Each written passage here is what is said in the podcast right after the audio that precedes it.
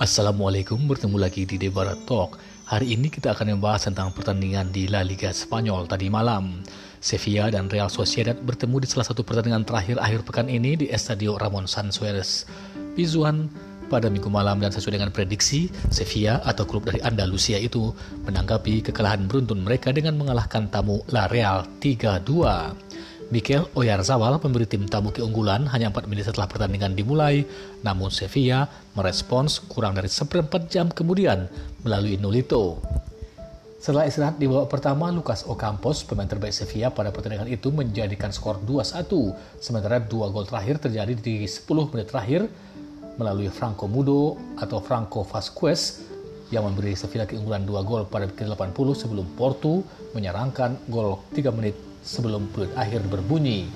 Dengan kemenangan ini, Sevilla yang dilatih Julian Lopetegui sekarang ada di peringkat 6 atau 2 poin dari Real Madrid yang ada di tempat pertama, sementara Real Sociedad masih berada di peringkat kelima dengan poin sama-sama 13 bersama Sevilla.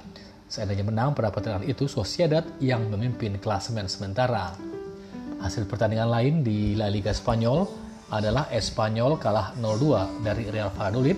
Eibar menang 2-0 dari Celta Vigo, Deportivo Alaves menang 2-0 dari Mallorca, dan Levante imbang 1-1 dari Osasuna.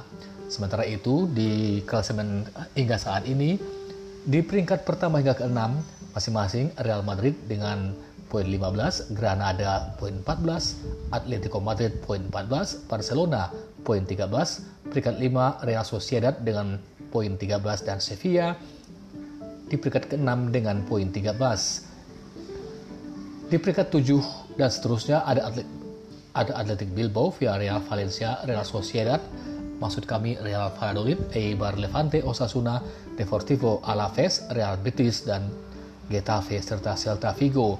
Sementara di tiga terbawah atau di zona degradasi ada Espanyol, Mallorca, dan Leganes.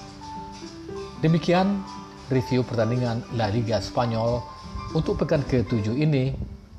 Sampai bertemu lagi di Debar. Assalamualaikum.